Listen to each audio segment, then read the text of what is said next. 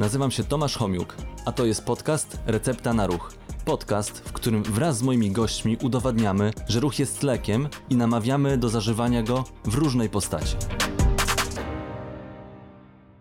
Cześć, witam Was w kolejnym odcinku podcastu Recepta na Ruch. Dzisiaj moim gościem jest dr Tomasz Socewicz, koordynator kierunku e-sport na AWF. Co może się wydawać dziwne, że w podcaście Recepta na Ruch będziemy mówić o e-sporcie. No i właściwie dlaczego ten, jak to się stało, że, że kierunek e-sport powstał, chyba powstał, bo był chyba pierwszym kierunkiem takim w Polsce, właśnie na Akademii Wychowania Fizycznego.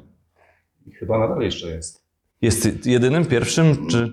Były, tak, były studia podyplomowe, ale w tej chwili chyba jeszcze jako takie licencje, jako normalne studia, to jesteśmy pierwsi. Mamy Mhm. już trzeci rok. No i jak to się stało, że, że na AWF-ie pojawił się właśnie taki kierunek? Tak, kierunek kontrowersyjny, ale myślę, że skierowany właśnie tam, gdzie trzeba. Jesteśmy uczelnią, która dba o zdrowie. Jesteśmy uczelnią, która zajmuje się sportem, która stosuje profilaktykę tak, przeciwko urazom różnego rodzaju. No to myślę, że tutaj sport bardzo ładnie nam się wpisuje. Tym bardziej, że my jesteśmy uczelnią, która jest yy, no taka, staramy się być nowatorscy, tak, nowocześni. A wiadomo, że sport mimo wszystko możemy sobie mówić, co chcemy, a on i tak będzie istniał będzie istniał, będzie się rozwijał, bardzo szybko, prężnie się rozwija. Więc poszliśmy z myślą, z propozycjami. No, pojawiły się po prostu propozycje Mhm. od, i od studentów, od różnych takich środowisk, że coś takiego można było zrobić, a że władze mamy otwarte, to Ale ten Tom, kierunek. Tomku, z tego co wiem, to zajmujesz się biomechaniką, no i, i e-sportem.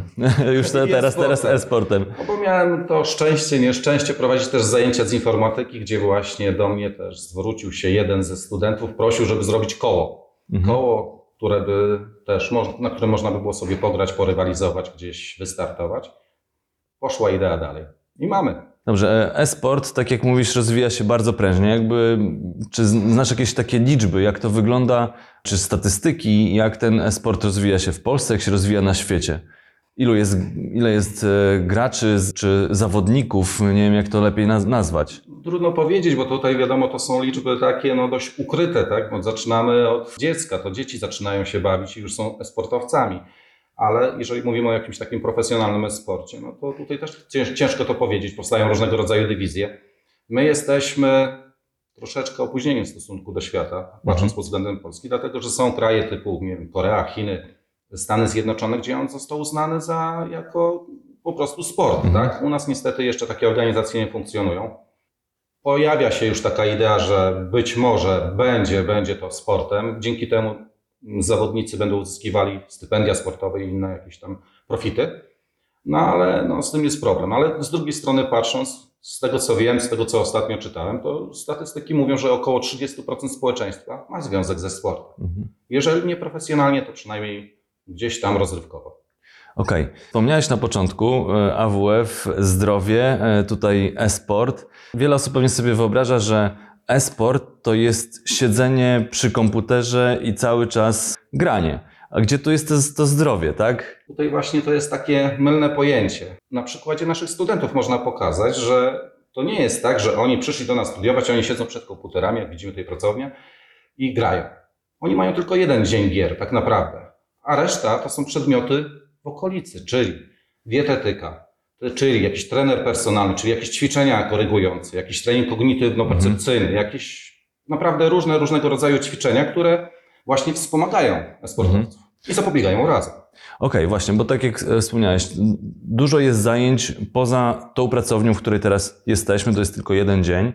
Czyli co jeszcze oprócz tego jest ważne, no żeby być dobrym e-sportowcem? Czy, czy ja rozumiem, że tutaj część osób być może będzie jakimiś e, zawodowcami, jeśli chodzi o udział e, w samym graniu, ale też to są organizacje imprez i tak dalej, ale pod względem samego grania, to co jest e, ważne, żeby być dobrym graczem? Jakie zdolności motoryczne, czy jaki trening, czy jakie są osoby tutaj, które prowadzą, pomagają, jesteś koordynatorem, które pomagają prowadzić tych właśnie studentów?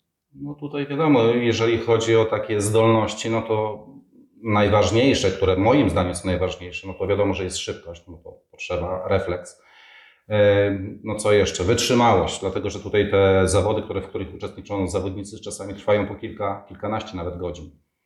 E, I no tutaj, jeżeli chodzi o taki trening, no to wiele, wiele jest możliwości. No, na przykład to wspomniany wcześniej przeze mnie percepcyjno-kognitywny trening. Mamy młodą, fajną panią magistrę Agatę Haliburdę, Mhm. która zajmuje się właśnie takim treningiem. To jest rewelacyjne, to jest kształtowanie właśnie refleksu. Bo wiemy wszyscy, że człowiek ma pewne predyspozycje, które są warunkowane genetycznie, ale pewne rzeczy możemy troszeczkę Poprawić, poprawić. wytrenować. I tutaj w tym przypadku akurat ten przedmiot to wspomaga. Okej, a tam, e, nie wiem, macie jakiś specjalny sprzęt do tego treningu? Tak. Jak, jak to wygląda? Tak, tutaj co ciekawe, możemy używać urządzeń, które są wykorzystywane w tradycyjnym sporcie, czyli na przykład e, system batak. Mhm. gdzie poprawiamy sobie refleks, tak, pra- ustalamy, ustalamy sobie powiedzmy jakiś tam jaki, no, synchronizację, jakiś tam światełek. Musimy odpowiednio klepnąć, zauważyć to takie widzenie jakby Mhm. przestrzenne.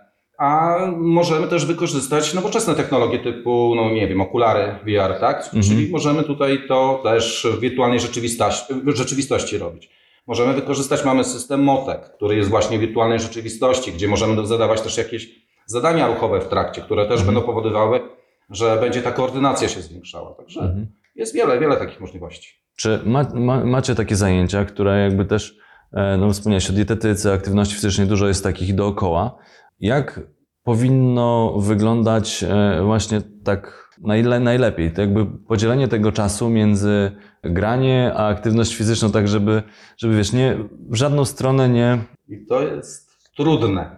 Tak samo jak w sporcie. Tam też nie ma tak, że każdy ma identycznie wszystko zrobione. Musimy dostosowywać treningi, musimy dostosowywać te zajęcia do poszczególnych osób. Wiadomo, że tutaj pewne uwarunkowania są. Osoby takie tutaj siedzą bardzo dużo, mimo wszystko, nawet jeżeli są zajęcia, tak, ale jeżeli korzystają, na przykład grają, jest to no, dość duże obciążenie układu ruchu, no to automatycznie musimy też wprowadzać ćwiczenia jakieś ruchowe, tak, jakieś ćwiczenia, ćwiczenia siłowe.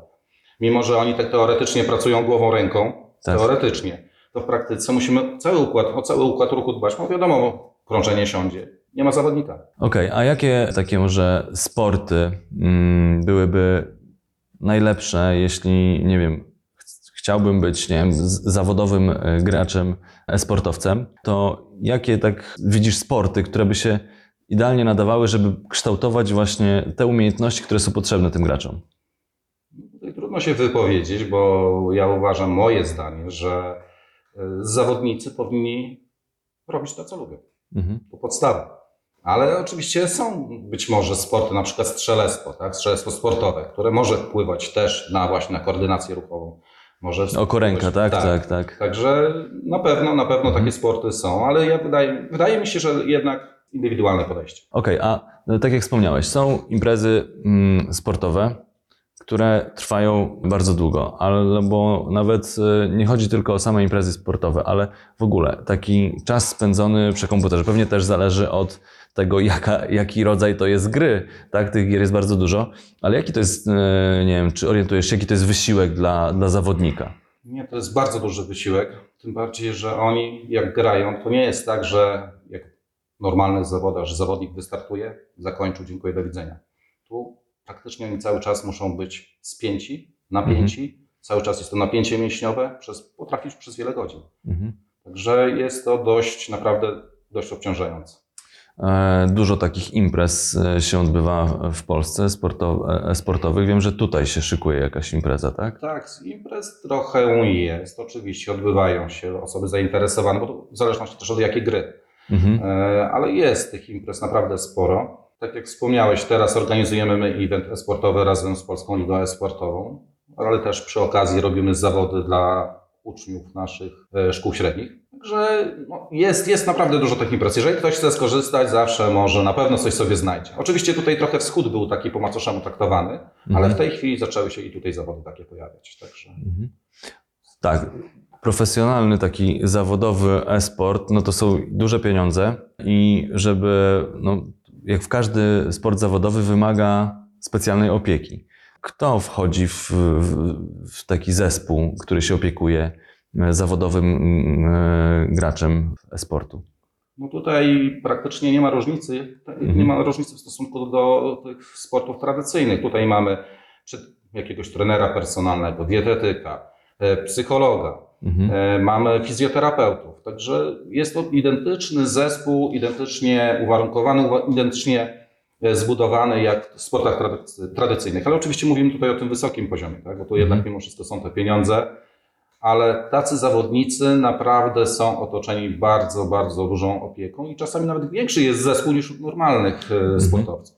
Tak, ja pamiętam mm, kiedyś ktoś chciał zaprosić mnie tam z, z fizjoterapeutami na taką imprezę e, e-sportową, gdzie zawodnicy w przerwie byli po prostu masowani po to, żeby jednak trochę takiej regeneracji łapnąć między, no tak jak powiedziałeś, to wiele godzin grania, więc no, trzeba też zadbać e, o, o układ ruchu, trochę się zregenerować. Jak to jest, e, to cięż, ciężko się, e, ile, jak, jak masz, nie wiem, ile te, te jeszcze raz mm, zawody mogą trwać, ile się siedzi, i zawodnik jeden, ile może siedzieć przy komputerze? To znaczy, oni mają przerwy. To nie jest tak, że siedzi ciągiem ileś Mhm. godzin, tak? No ale powiedzmy godzinę czy dwie godziny może ciągiem posiedzieć. No i tutaj właśnie ważne są te przerwy takie przynajmniej na rozluźnienie, czyli jakieś ćwiczenia Mhm. rozluźniające. Po całym dniu, no to myślę, że tutaj tak jak, jak w zwykłym sporcie, tak, jakaś odnowa biologiczna jest potrzebna. Mhm. A dużo mamy takich e, znanych zawodników e, polskich. E, ja- Jakieś sukcesy kojarzysz może polskich? No to teraz mamy zawodnika. Niestety nie powiem imieniem, nazwiskiem, Mhm. bo jestem tylko koordynatorem kierunku, ale mamy zawodnika, który jest teraz w drużynie mistrzowskiej, tak? Bo to jest międzynarodowa drużyna i ma mistrzostwo w CS-a bodajże. Okej, ale jest, e, tutaj studiuje? Nie, nie, nie, nie. Nie, nie, w Polsce, Mówię po prostu ogólnie o, o w Polsce. Tak jak wspominałem wcześniej, my tutaj bardziej zajęliśmy się kierunkiem e-sport jako taką otoczką, czyli tym wszystkim, co jest dookoła e-sportu, Mhm. żeby wspomagać tych graczy. Okej.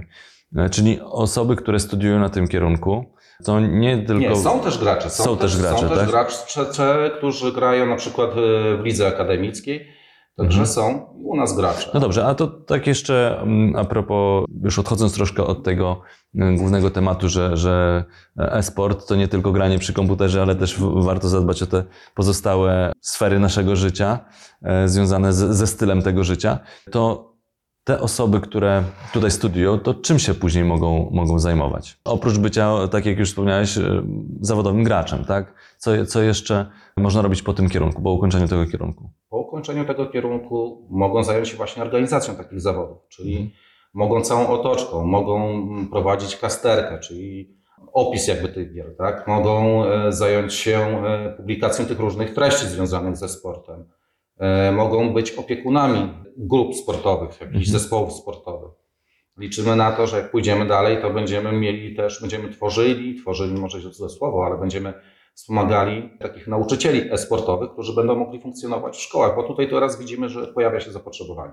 Mhm, czyli no, że- żeby, żeby właśnie tym dzieciom może wytłumaczyć, że granie to nie jest tylko No siedzenie przy komputerze. tak, no bo tutaj jest popełniany ten, bo może to nie tyle właśnie tylko siedzenie, ale też, żeby te dzieci potrafiły o siebie zadbać. To jest ważne, tylko nie ma kto ich tego Nauczyć. uczyć, bo Mhm. wiadomo, że e-sport, znaczy e-sport, w ogóle granie jest postrzegane źle. Tak. że zajmuje czas, że siedzimy, mamy złą pozycję i tak dalej, i tak dalej. A można, tego, od tego nie uciekniemy, ale Mhm. możemy spróbować zadbać, żeby nie wyrządzało szkód. Tak, no tutaj nie wiem, czy, czy oglądałeś e, film e, Gran Turismo. To było, nie wiem, z dwa miesiące temu chyba byłem na, na, na tym filmie, Mhm. który pokazywał, że z e-sportu można przejść do prawdziwego sportu. To akurat chyba wyjątkowo, no bo ta gra pozwalała na to, żeby, żeby już podczas grania kształtować takie umiejętności, które były potrzebne w wyścigach. No i, i niesamowita historia, że e, to było naprawdę, że, że osoba, zawodnik, który grał na symulatorze, przeszedł się, przesiadł się do prawdziwego samochodu na prawdziwy tor i tam osiągał sukcesy. Ale to wydaje się naturalne, przecież ile jest trenażerów elektronicznych, które są wykorzystywane w różnych dyscyplinach sportowych. To może to zły temat, ale mówi się o tym, że w grach strzeleckich później Amerykanie wykorzystują takich ludzi, którzy, którzy osiągają wyniki do jakichś grup snajperów. Mhm. Także kto wie. Można się e, tutaj wykorzystywać jedne umiejętności, Oczywiście, to z te prze, przechodzić, przechodzić z jednej strony na, jakby na drugą stronę, może, może źle powiedziane, ale że ze sportu do e, sportu, e, czy w ogóle do takich normalnych życiowych czynności Ale, ależ oczywiście. No to... i w odwrotną stronę, bo ci sportowcy wykorzystują, nie wiem, wirtualną rzeczywistość, czy to, co, co, co dają gry, do tego, żeby być- być lepszym sportowcem. No, oczywiście. To działa dwie strony. Mhm. I jak tak jak powiedziałem, nie uciekniemy od tego. No, cały czas idziemy do przodu, cały czas ta technologia się rozwija i, i tak jak możemy nie, niedługo pewnie wejść w wirtualną rzeczywistość e, i zupełnie, Już się, wchodzimy, zupełnie się zatracić, ale można to wykorzystać w dobrych celach. Oczywiście. Niczego nie trzeba skreślać. Tomku, dziękuję Ci bardzo e, za rozmowę. Wspomniałeś jeszcze, że tutaj jest trenerka, e, która, która jakby zajmuje się tą, e, treningiem takim motorycznym To graczy. trenerów, trenerów jest kilku, tak? Trenerów jest kilku. To nie jest tak, że tylko, bo Agata akurat zajmuje się tym e, percepcyjno-kognitywnym, ale Mhm. mamy na przykład e, trenera od sportów siłowych Pauli- Paulina Szyszka, pani doktor Paulina Szyszka. Rewelacyjny trener, który ma duże osiągnięcia w zawodach, tam w ciężarach Mhm. i jej reprezentantka zdobywa, teraz jest e, na olimpiadę, z tego co wiem, pojedzie. A ona tutaj trenuje tych naszych zawodników i bardzo ładnie z nimi współpracuje, także to jest też fajne.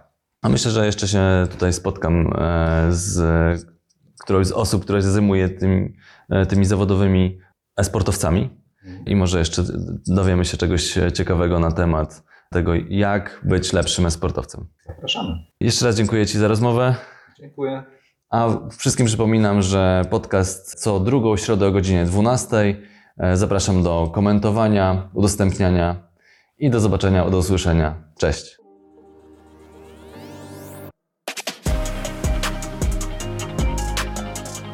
Dzięki, że byliście. Mam nadzieję, że zostaniecie tutaj na dłużej. Jeżeli chcecie być na bieżąco, zasubskrybujcie kanał Recepta na Ruch.